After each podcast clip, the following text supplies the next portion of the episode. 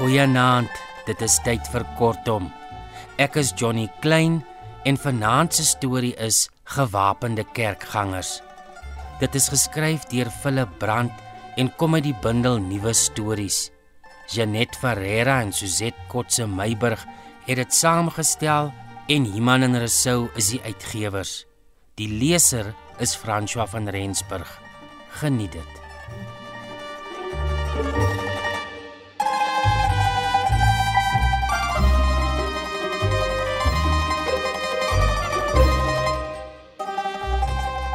Op 12 het ek die girls begin charm.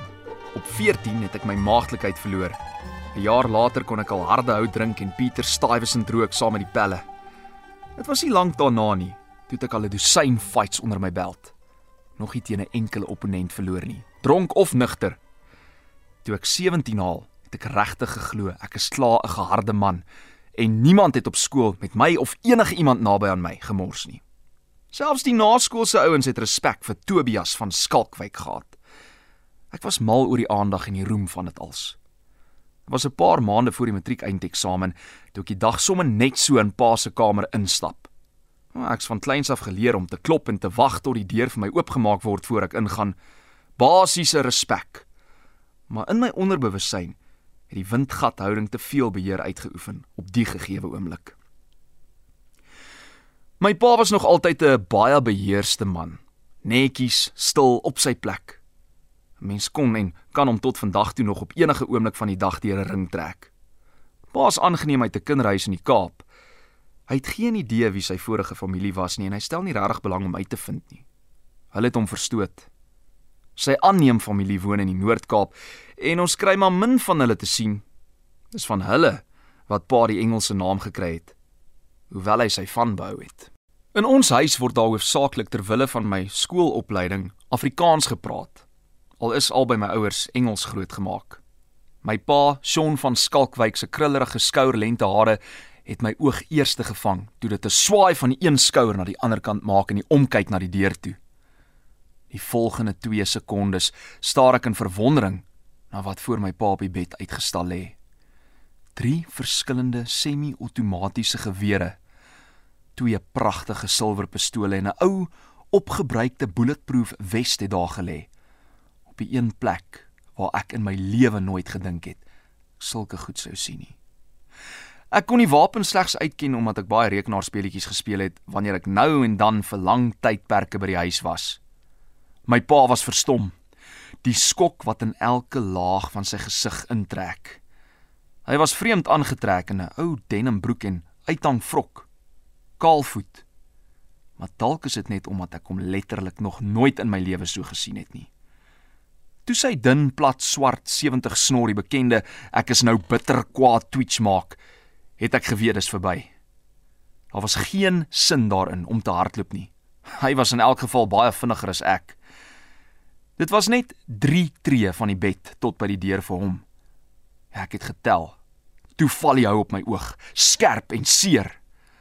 Pa's vandag nog 'n dun man, baie maarder en kleiner as ek. Maar daai riempies hande en arms het onmenslike krag in hulle. Ek slaan agteroor, tref die gangmat kop eerste.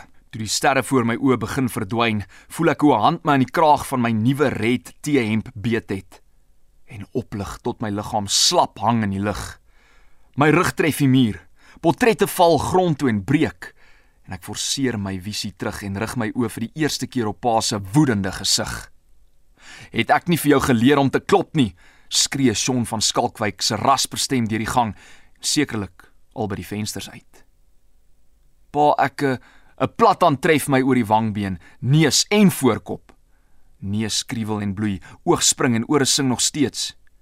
Die helfte van my gesig voel of dit aan die brand is moet seker dankbaar wees dat hy regs is.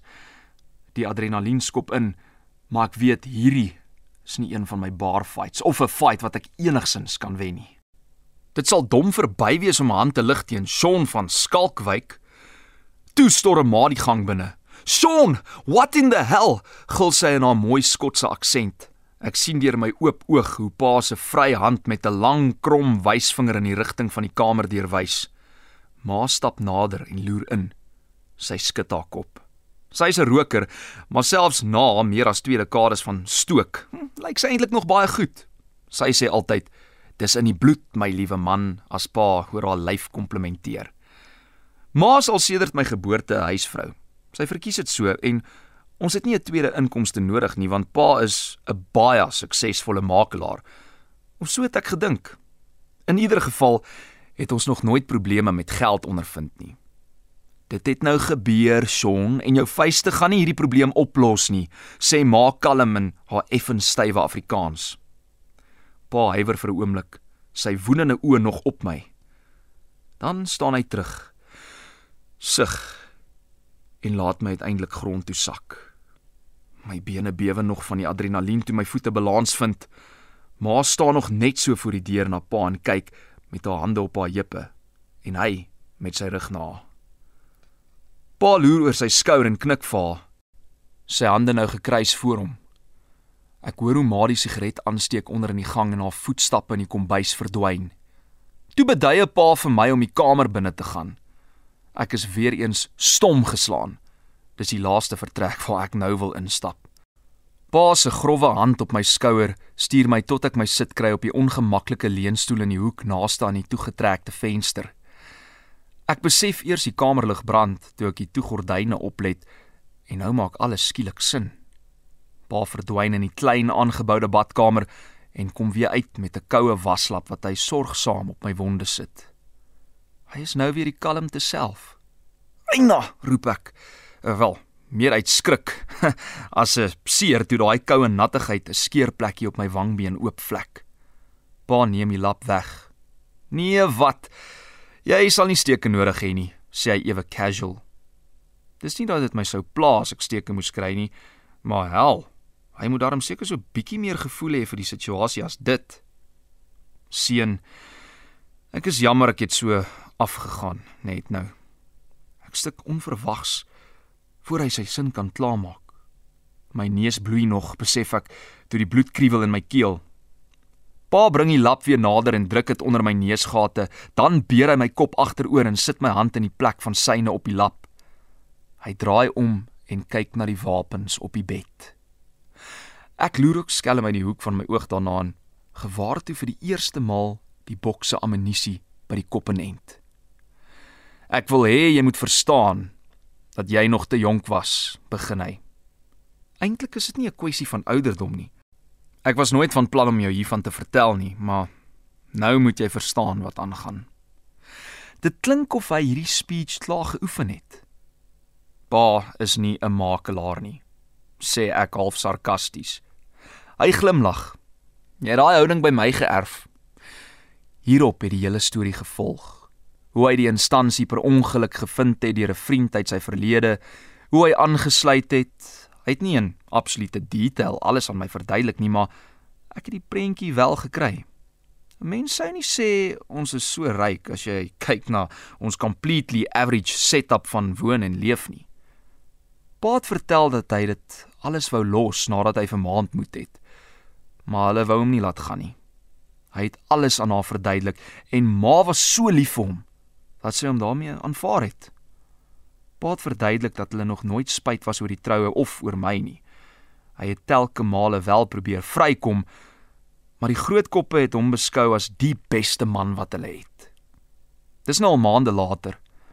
Ek het matriek geslaag met universiteitsvrystelling, maar ek wil nie gaan leer nie. Nee. Ek wil nou die een ding doen wat ek nooit gedink het 'n moontlikheid vir my sou wees nie. Ek is mos 'n tough guy. so, dis simply ideal. Pa wou aanvanklik niks weet nie, maar ek het aangehou en aangehou. 'n Week gelede het hy uiteindelik ingestem om my saam te neem op die volgende job. Net as 'n voorsmaakie hm, van dit wat die werk nou eintlik behels. En nou het die dag aangebreek. Pa's weer eens netjies en fyn aangetrek. Ek het vanmôre my bes probeer om dieselfde te doen, maar die beste wat ek kon regkry was 'n netjiese paar jeans en my enigste toeknoop hemp. 'n rooie wat ek ingesteek het vir die netheidseffek. Die ou paar swart skoolskoene onder my kas het ook toe nie verniet daar bly lê nie.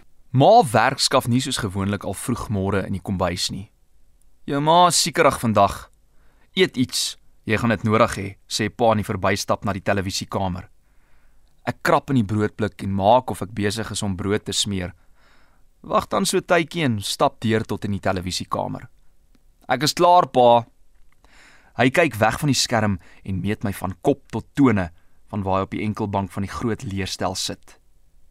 Hy lyk altyd so soos 'n dwergie op die bank.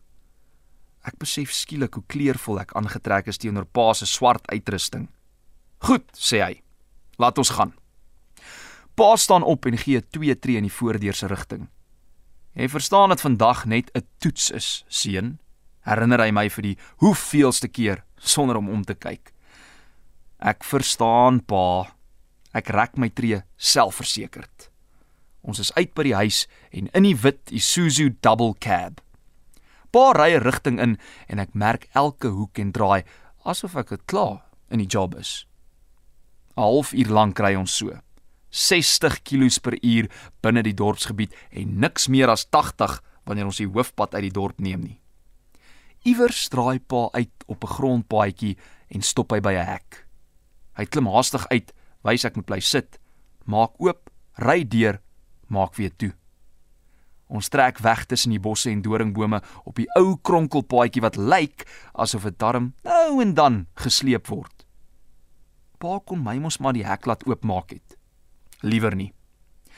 Ek het dit nie verstaan nie, maar ook nie verder daaroor getop nie. Nie lank nie, toe gewaar ek die groot gebou in die duik voor 'n hoë heuwel. Ons stop by die ingang, klim uit en stap woordeloos deur die massiewe oop staal deur. Dit neem my oë 'n geruime tydjie om in die donkerte aan te pas. Ek volg aanvanklik die geluid van pa se voetstappe voor my en sien dan dat ons 'n klein kamertjie in die stoor nader. 'n Man staan voor die toe deur. Hy is byna nespa aangetrek, maar lyk heeltemal anders met sy boep wat so teen die hemp span en die knope toets.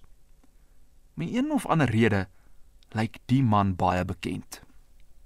"Good morning, sir," Die man het 'n Suid-Afrikaanse aksent. "Môre Nik," antwoord pa. Die man maak die deur vir ons oop en in die verbyloop knik hy vir my. Ek knik nie terug nie. Nog voor my oë die voorwerpe binne in die kamer kan registreer, klap die deur agter my toe. 'n Man gil, 'n gesmoorde gil vol pyn. Ek kyk verward rond. Die kamer het geen vensters nie.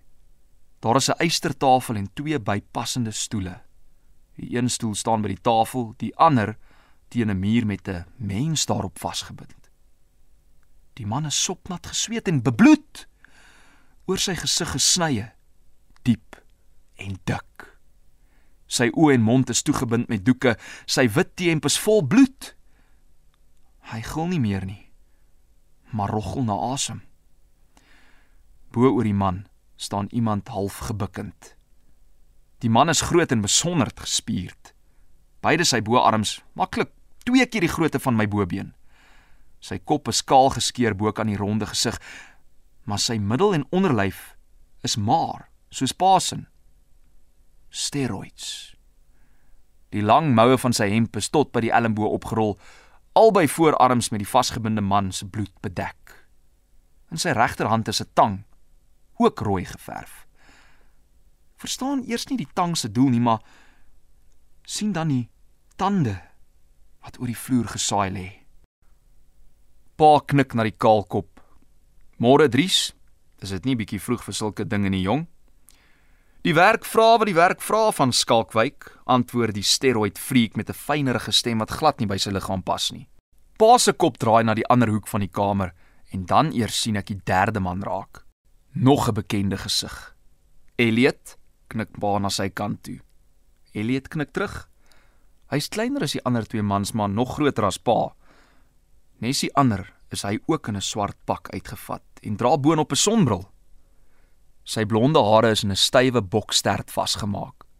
"Ons het gekry wat ons wou hê?" vra pa. Sy kop weer na Dries gedraai. "Die papegaai het gepraat, ja.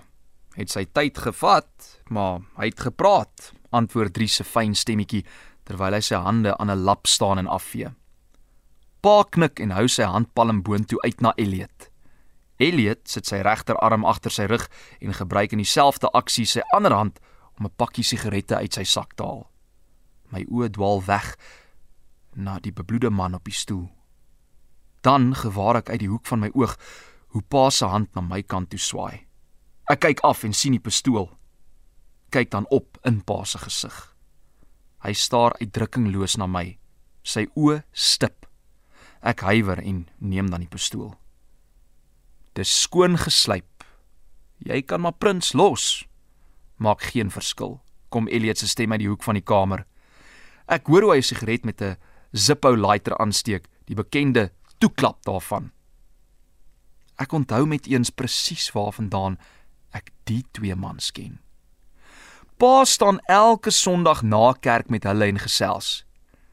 Ek het altyd aangeneem dat hulle kollegas moet wees, maar ek het nie besef hoe reg ek was nie. Albei het families, nespa vir ons het en nespa lyk hulle doodgewoon. Wel, in die openbaar. Ek staar na die vasgebinde man wat steeds skreeu. Die bloed drup uit die hoeke van sy mond, sypel uit onder die doek wat daaroor gebind is. Trek die sneller seun. Moenie druk nie, hoor ek pa skuins voor my sê. In my begin 'n worsteling soos ek stadig die pistool se loop op die bebloede man se voorkop rig. My regter wysvinger bewe op die sneller, maar nie van adrenalien nie. Dit voel soos ure wat verbygaan. Vat net die pistool by die kind dat ons kan klaar kry, skree Dries. Shut up, sê Elliot. Ek knip my oë. Wat doen ek nou? Dis een ding om te dagdroom, maar hierdie is iets heel anders. Verwag hulle regtig dat ek die man net so skiet? Ek weet nie eens wie hy is of wat hy verkeerd gedoen het nie. Wat het hy gedoen? vra ek met 'n bewende stem wat skaars soos my eie herken. Stilte. Elliot maak keel skoon en drie sug. Ons vra nie vra nie Tobias, antwoord pa. Beide my hande begin nou sigbaar bewe. En dis nie net omdat die pistool swaarder is as wat ek verwag het nie. Ek besef eers hoe vinnig ek asemhaal toe ek my hart in my keel voel hamer. Ek, ek kan dit nie doen nie. Ek wil nie. My oë vind Pasen. Hy weet oombliklik en ek kan sien hy is dankbaar. Toe ek terugkyk en die pistool sentimeter laat sak, bars die deur oop. "Hulle is hier!" gil Nik. Ek hoor 'n klap geluid hier voor my en ryk die lood, maar besef nie wat gebeur het voor ek die pistool eers heeltemal laat sak het nie. Die ronde bloedkolletjie sit regs tussen die vasgebinde man se oë. Sy kop knik stadig agteroor en val dan slap vooroor. My hart klop eenmal en mis die volgende slag. Ek asem stadig in. Die lug swaar in my longe. 'n Groot platland slaan my rug. My hart begin weer woep woep klop. Good one. Didn't think you had it in you, sê Dries. My oë swaai weer na Pa toe. Daar is teleurstelling op sy gesig. Get ready boys. Daar's 'n hele paar van hulle daar buite, sê Nik. Pa stap tot by my en plaas sy hand op my skouer. Hy druk my skouer liggies om te sê dat hy verstaan. Bly by my. Dan sal jy veilig wees. Gebruik daai, sê hy en beduie met die silwerpistool in sy hand na die een in myne. It's not time to make a change. Just relax, take it easy. You're still young, that's your fault. There's so much you have to know.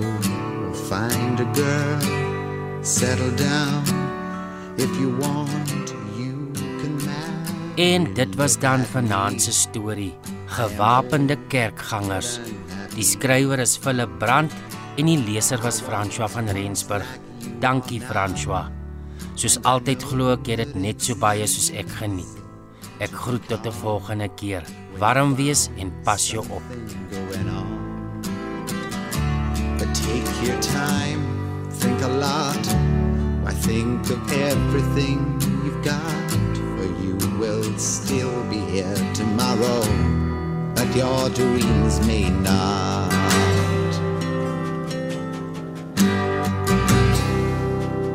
How can I try to explain. When I do, he turns away again. It's always been the same, same old